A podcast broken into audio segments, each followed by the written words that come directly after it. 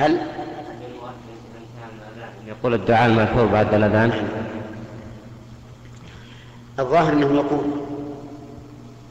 لأن هذا الدعاء ليس لا يوجد مثله في الأذان ولكنه لا يجيب نفسه أو ولكنه لا يجيب نفسه كما ادعاه بعض العلماء. بعض العلماء يقول إن المؤذن يجيب نفسه فإذا قال الله أكبر بالصوت المرتفع قال بنفسه الله أكبر.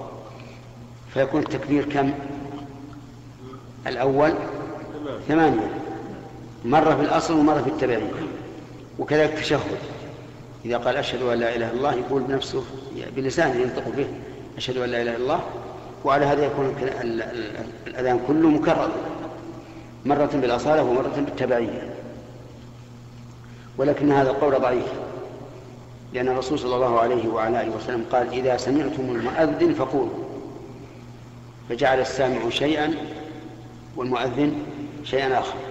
أما الذكر فلما كان المؤذن لا يقوله في حال الأذان فليقوله بعد الأذان كما يقوله الآخرون. فالصواب أن الدعاء بعد بعد الأذان يشمل المؤذن والسامع. نعم.